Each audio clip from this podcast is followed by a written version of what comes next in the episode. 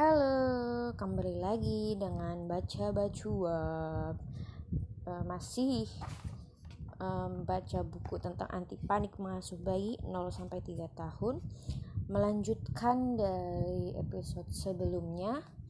Kemarin kan tentang gigi pertama dan uh, pentingnya menggendong bayi. Nah, selanjutnya di sini mungkin agak panjang ya. Uh, karena yang dibacakan itu cukup banyak sih. Jadi sekarang saya akan membacakan tentang ASI oke? Okay? ASI dan growth food pada bayi oke okay ya? Lanjut uh, langsung aja ya biar nggak lama-lama. Jadi yang pertama ASI. Nah mengapa ibu pasca bersalin mengeluh asinya kurang? Secara fisiologis, ASI akan mengalir seiring luruhnya plasenta setelah bayi lahir. Tetesan ASI mula-mula hanya 5-7 mili sekali minum sesuai kapasitas mulut bayi dan akan terus bertambah dalam 48 sampai 96 jam jika bayi sering disusui sehingga ibu tidak perlu khawatir ketika setelah melahirkan ASI baru keluar sedikit. Uh, ini persis banget kayak materi kelas ibu hamil dan ibu balita yang pernah saya ikuti. Kebetulan saya pernah kerja uh, survei tentang observasi tentang kelas ibu hamil dan ibu balita. Jadi bidannya yang ngasih materi waktu itu juga uh, ngasih tahu ke para ibu hamil, ibu balita kalau uh, menyusui kalau kita semakin sering menyusui produksi ASI kita juga semakin banyak gitu jadi harus sering-sering menyusui gitu nah sekarang bagaimana tips melancarkan ASI satu Selama hamil, sebaiknya calon ayah ibu mengikuti kelas persiapan menyusui. Nah, ini ini sih yang agak susah. Dulu juga sempat uh, pas observasi kelas bumil balita itu jarang banget ada ayah atau suami bumil balita yang ikut dalam kelas tersebut. Kendalanya macam-macam. Ada yang karena memang harus bekerja ada yang memang hal itu tuh kayak aneh gitu. Laki-laki ikut ke dalam sebuah kelas yang isinya itu kebanyakan wanita gitu. Padahal sebenarnya uh, itu sangat dianjurkan ya biar ada kerjasama dalam mengasuh anak kayak gitu.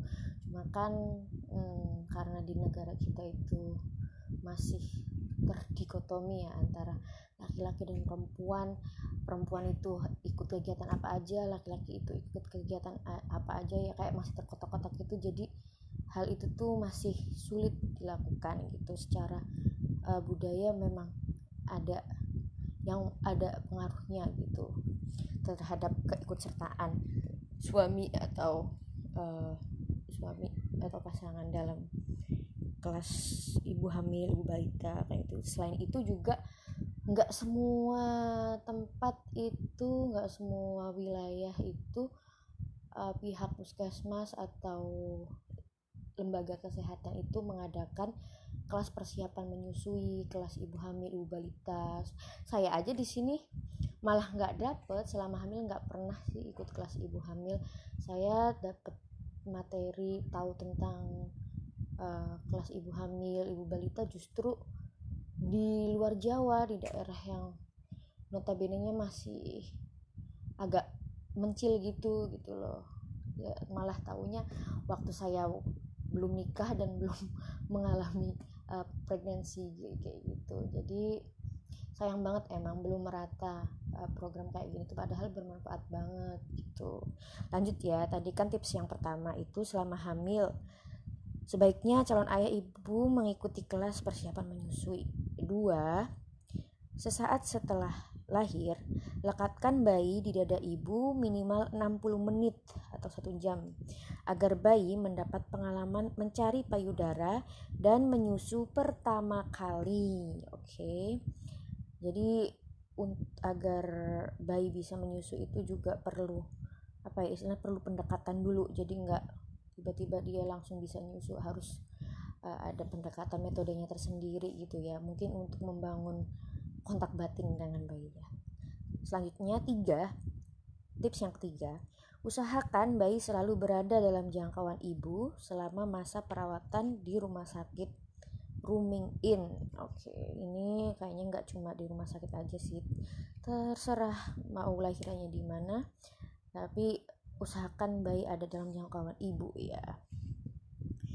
Nah, ini perlu diingat lagi. Tadi kan tetesan ASI mula-mula hanya 5 sampai 7 mili sekali minum. Itu waktu uh, baru lahir. Jadi nggak usah panik. Ini sih yang perlu diingatkan. Nggak cuma si ibu yang melahirkan aja tapi keluarganya juga gitu biar keluarga tuh nggak buru-buru ngasih bayi dengan susu formula gitu karena memang sudah sewajarnya ketika baru melahirkan produksi ASI, ASI yang pertama kali keluar tuh cuma 5 sampai 7 mili gitu sekali minum. Jadi memang sesuai dengan kebutuhan si bayi. Kalau bayinya butuhnya segitu ya cuma segitu gitu yang keluar. Jadi jangan panik dan tolong diingatkan anggota keluarganya biar ASI eksklusifnya itu berhasil. Jangan selamatkan uh, bayi-bayi kita dari keburu-buruan memberikan susu formula. Selanjutnya, salah satu penyebab ASI tidak keluar adalah pelekatan mulut bayi yang tidak tepat pada payudara ibu. Pelekatan mulut bayi di payudara memengaruhi kualitas isapan dan rangsangan produksi ASI. Wah, jadi enggak eh, ngasih menyusui itu nggak asal ya jadi tricky banget ya jadi harus diingat bahwa ada metode yang tepat agar uh, bayi itu bisa menyusu dengan baik dan benar kayak gitu. Jadi kalau seumpama asi nggak keluar itu perlu di apa ya istilahnya dicari tahu penyebabnya apa sih gitu. Jangan panik jangan buru-buru aku nggak keluar asi aku gimana? Terus langsung susu formula. Pokoknya jangan nyerah lah para pejuang asi uh, mau ini mau yang berhasil ngasih asi atau susu formula sebenarnya nggak ada uh, maksudnya nggak ada salahnya gitu. Maksudnya baik yang ngasih anaknya susu formula juga baik mereka mungkin sudah berusaha ngasih asi tapi ada terkendala gitu. Jadi nggak ada perbedaan baik ibu yang ngasih asi atau susu formula. Tapi kalau bisa usahakan ngasih asi karena sebaik-baiknya susu ya air susu ibu gitu nah saya aja ini berusaha banget niat uh, niat banget. Semoga saya bisa mengasihi anak saya sampai usia 2 tahun karena saya sendiri waktu lahir itu dapatnya susu formula gitu karena ada kendala kayak gitu. Oke nah selanjutnya cara melekatkan mulut bayi yang tepat. Satu sentuhlah bibir bayi dengan puting ibu dua Tunggulah sampai mulut bayi menganga lebar. Tiga, dekatkanlah bayi ke payudara dengan sigap. Arahkan bibir bawahnya ke areola bagian bawah. Areola itu bagian payudara yang hitam itu loh. Ya, itu pokoknya uh, bibir bawahnya itu bibir bawahnya si bayi itu diarahkan ke areola bagian bawah gitu it's not nipple feeding nipple feeding it's breastfeeding itu itu yang dinamakan menyusui ya Ibu dan bayi harus berasa harus berada pada posisi yang nyaman untuk memudahkan proses menyusui. Jadi posisinya senyaman mungkin ya karena proses menyusui itu juga harus dinikmati oleh ibu dan bayinya. Oke. Sekarang posisi menyusui. Satu, rebahan atau reclining. Uh, posisi rebahan ini ada adalah kepala dan badan bayi dalam satu garis lurus. Wajah bayi menghadap payudara ibu dan hidungnya sejajar dengan puting. Tubuh bayi ditopang dengan baik dan didekap dekat tubuh ibu. Dua, Cradling Menopang bayi dengan lengan yang sama dengan sisi payudara. Tiga, posisi cross cradling atau menopang bayi dengan lengan yang berlawanan sis, berlawanan sisi dengan payudara. Empat, clutch yaitu menopang bayi di bawah lengan 5 lying down ya, itu berbaring berhadapan dengan bayi selanjutnya tips menyusui ketika puting ibu luka 1 Cara pelekatan mulut bayi pada puting ibu harus tepat, sehingga saat mengisap, ujung lidah bayi terhindar dari menyentuh puting dan tidak menyebabkan nyeri. 2. Ibu dapat mengonsumsi obat pereda nyeri yang aman sebelum menyusui, seperti ibuprofen dan asam mefenamat. 3. Jika luka sangat dalam atau sangat nyeri, ibu dapat memerah ASI dengan tangan untuk mengosongkan payudara. ASI perah dapat diberikan kepada bayi dengan media sendok atau cangkir. Beberapa cara yang bisa ibu lakukan ketika puting datar atau masuk. Satu, posisi menyusui dari bawah lengan lebih memudahkan bayi melekat di payudara dengan puting datar atau masuk. Ini yang posisi clutch tadi ya. Dua, sebelum menyusui, stimulasi puting dengan nipple puller atau disposable squid. Disposable squid yang telah dimodifikasi sebagai penarik puting jadi disposable squid itu itu loh. Apa sih suntikan? Kayak suntikan tuh loh. Tapi yang nggak ada jarumnya itu. Yang biasanya buat apa sih mas itu? Yang disposable yang buat hidroponik itu loh. Ah, yang buat naker nutrisi itu loh. Yang kayak suntikan tapi nggak ada jarumnya. Pokoknya itulah disposable squid itu. Biasanya buat naker minyak minyak minyak wangi orang jual minyak wangi itu loh yang banyak yang jual. iya pokoknya itu namanya disposable squid itu. Jadi disposable squid itu kan ujungnya ada lincip tuh. Nah itu uh, dipotong ujungnya gitu. Itu nanti difungsikan untuk penarik puting. Nah tiga saat membantu pelekatan mulut bayi ke payudara, ibu dapat membentuk puncak payudara lebih menonjol dengan menekan bagian atas dan bawah areola dengan kedua tangan seperti membentuk sandwich. Sandwich itu bahasa gampangannya apa, Mas? Roti roti lapis roti kempit. Ya apa sih? Roti kempit lo ya apa ya pokoknya roti tawar enak loro ada dua roti tawar. Ditumpuk di tengahnya ada sayurnya apa-apa gitulah. Eh hilang. Nah tadi kan ngomongin disposable squid itu bisa dijadikan penarik puting. Nah ini tips memodifikasi disposable squid menjadi nipple puller. Satu potonglah ujung squid dengan cutter atau silet lah pokoknya yang bisa buat motong ujungnya ujung squidnya.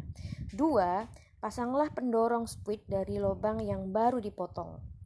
Tiga tarik pendorong sebelum ditempelkan ke puting yang tenggelam.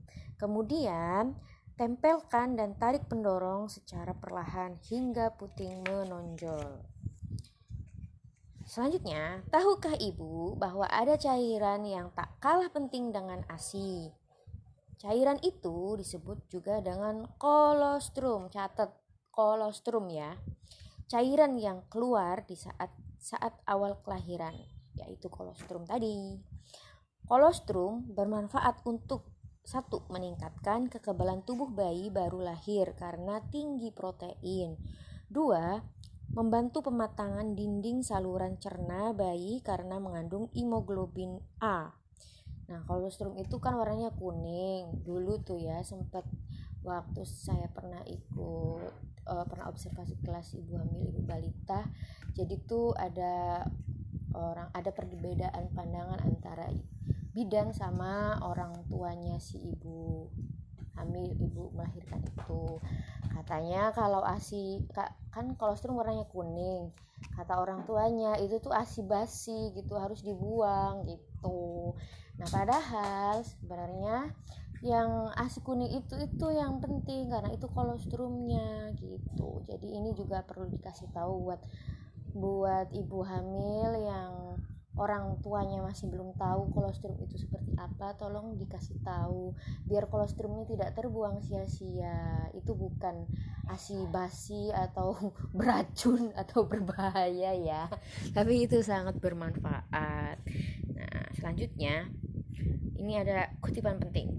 Sendawa penting saat bayi selesai minum asi Manfaat sendawa setelah menyusui satu, membuang gas yang ikut memenuhi lambung bayi. Dua, mengurangi tekanan di saluran cerna bayi. Tiga, membuat bayi lebih nyaman. Jadi ini fungsinya disendawain juga biar nggak gumoh. Kolik. Gumoh itu kayak muntah ya mas ya. Muntah ya. Muntah. Apa mabuk asi? apa gimana? Pokoknya gumoh gitu loh biar nggak kembung gitu sekarang dengerin, tahukah ayah dan ibu, ada satu periode ketika anak membutuhkan ASI lebih intens dari biasanya. Peri periode ini disebut growth spurt. Bacanya bener enggak ya? Pokoknya tulisannya grow growth spurt. Apa sih growth spurt itu? Growth spurt adalah masa di mana pertumbuhan bayi akan terjadi lebih cepat Selama masa ini, bayi akan menyusui lebih sering dan juga lebih lama dari biasanya. Masa ini biasanya terjadi selama 3 sampai 4 hari. Nah, saat masa growth spurt ini, biasanya bayi akan lebih sering menangis karena ia mudah lapar. Sehingga penting bagi ibu untuk bisa mengenal tanda-tanda bayi lapar agar proses ini lebih mudah dihadapi. Oke, kita kenali tanda-tanda bayi lapar. Satu, bayi mengisap bibir atau bayi mengisap-isap bibir atau lidah. Dua, mulut seperti mencari-cari payudara. Tiga, gelisah. Empat, terbangun dan seperti mencari-cari ibu. Nyarinya ibu loh ya. bukan ayah kecuali ayahnya bisa menyusui begitu begitu ibu melihat tanda-tanda di atas segera susui bayi sebelum ia menangis karena frustasi nah ini perlu diingat catat ya pada masa growth spurt bayi akan mengirim sinyal ke tubuh ibunya dengan cara lebih sering menyusui sehingga produksi ASI bertambah sesuai kebutuhan bayi. Nah, sekarang ini untuk ayah.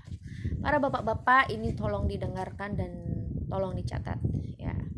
Peran ayah dalam masa mendampingi ibu menghadapi masa growth spurt. Satu, menjadi suami suportif dengan mendengarkan keluh kesah istri.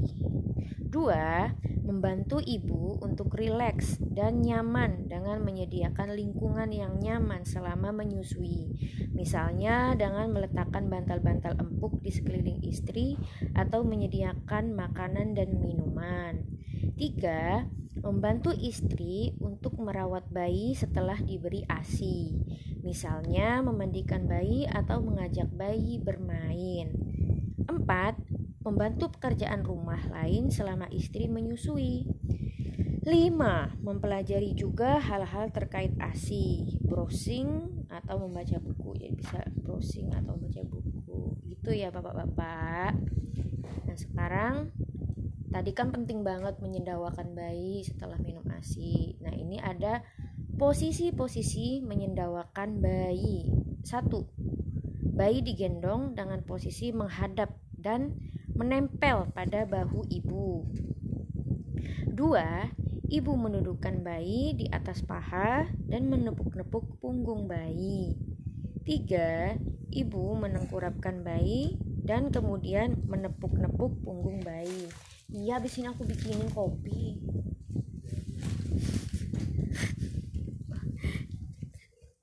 ya itu maaf ada selingan karena suami saya minta dibikinin kopi tapi sesinya belum selesai tanggung. Oke selanjutnya ciri-ciri anak yang cukup asi. Satu kenaikan berat badan sesuai dengan standarnya. Dua buang air kecil setidaknya enam kali sehari setelah usia lima hari. Tiga air seni jernih tidak pekat atau berbau tajam aku cukup asi itu ini ada gambar bayinya bayinya bilang aku cukup asi terus di sini ada adegan juga gambar Bekerja dan memberi ASI merupakan dua hal yang sepertinya sulit dilakukan bersama ya. Tapi ini ada tipsnya. Hal-hal yang perlu diperhatikan ketika ibu akan mulai bekerja selama pemberian ASI. Satu, Memerah ASI seawal mungkin. Dua, Usahakan perah ASI setiap tiga jam.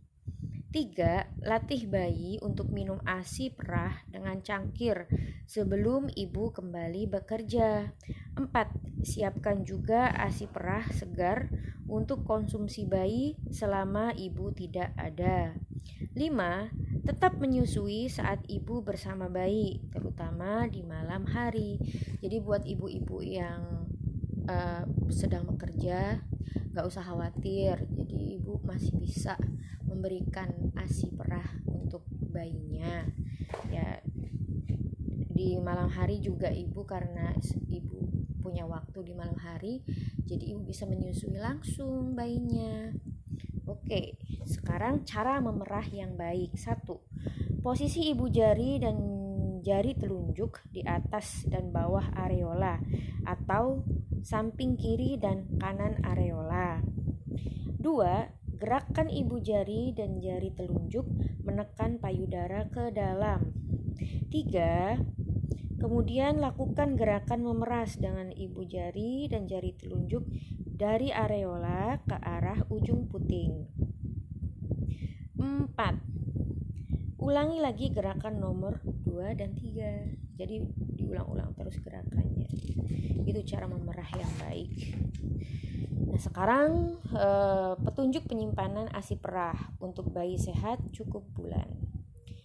Ada suhu ruang. Jadi kalau disimpan di suhu ruang Suhunya itu usahakan uh, 16 sampai 29 derajat Celcius.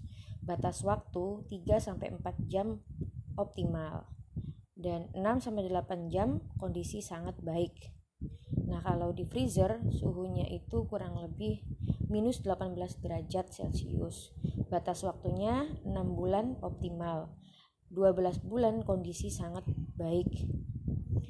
Nah, sekarang lemari pendingin ini lemari pendingin ya bukan di freezernya suhu yang dibutuhkan kurang lebih 4 derajat celcius batas waktunya 72 jam optimal 5-8 hari kondisi sangat baik catatan 1. Sebelum memerah wajib mencuci tangan 2. Gunakan botol kaca atau polipropilen 3. Wadah air panas dicuci dan dibilas air hangat Nah, selanjutnya ASI perah segar atau cair lebih baik dari ASI beku. Simpan ASI perah yang akan diberikan selama 3 sampai 8 hari ke depan di lemari pendingin. Selebihnya dibekukan dalam freezer. ASI perah segar dapat dicampur dengan ASI perah 24 jam sebelumnya asal suhunya sama.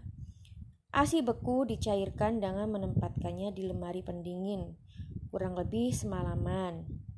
Jangan menghangatkan ASI perah dengan microwave karena da, jangan menghangatkan ASI dengan microwave karena dapat merusak komposisi ASI.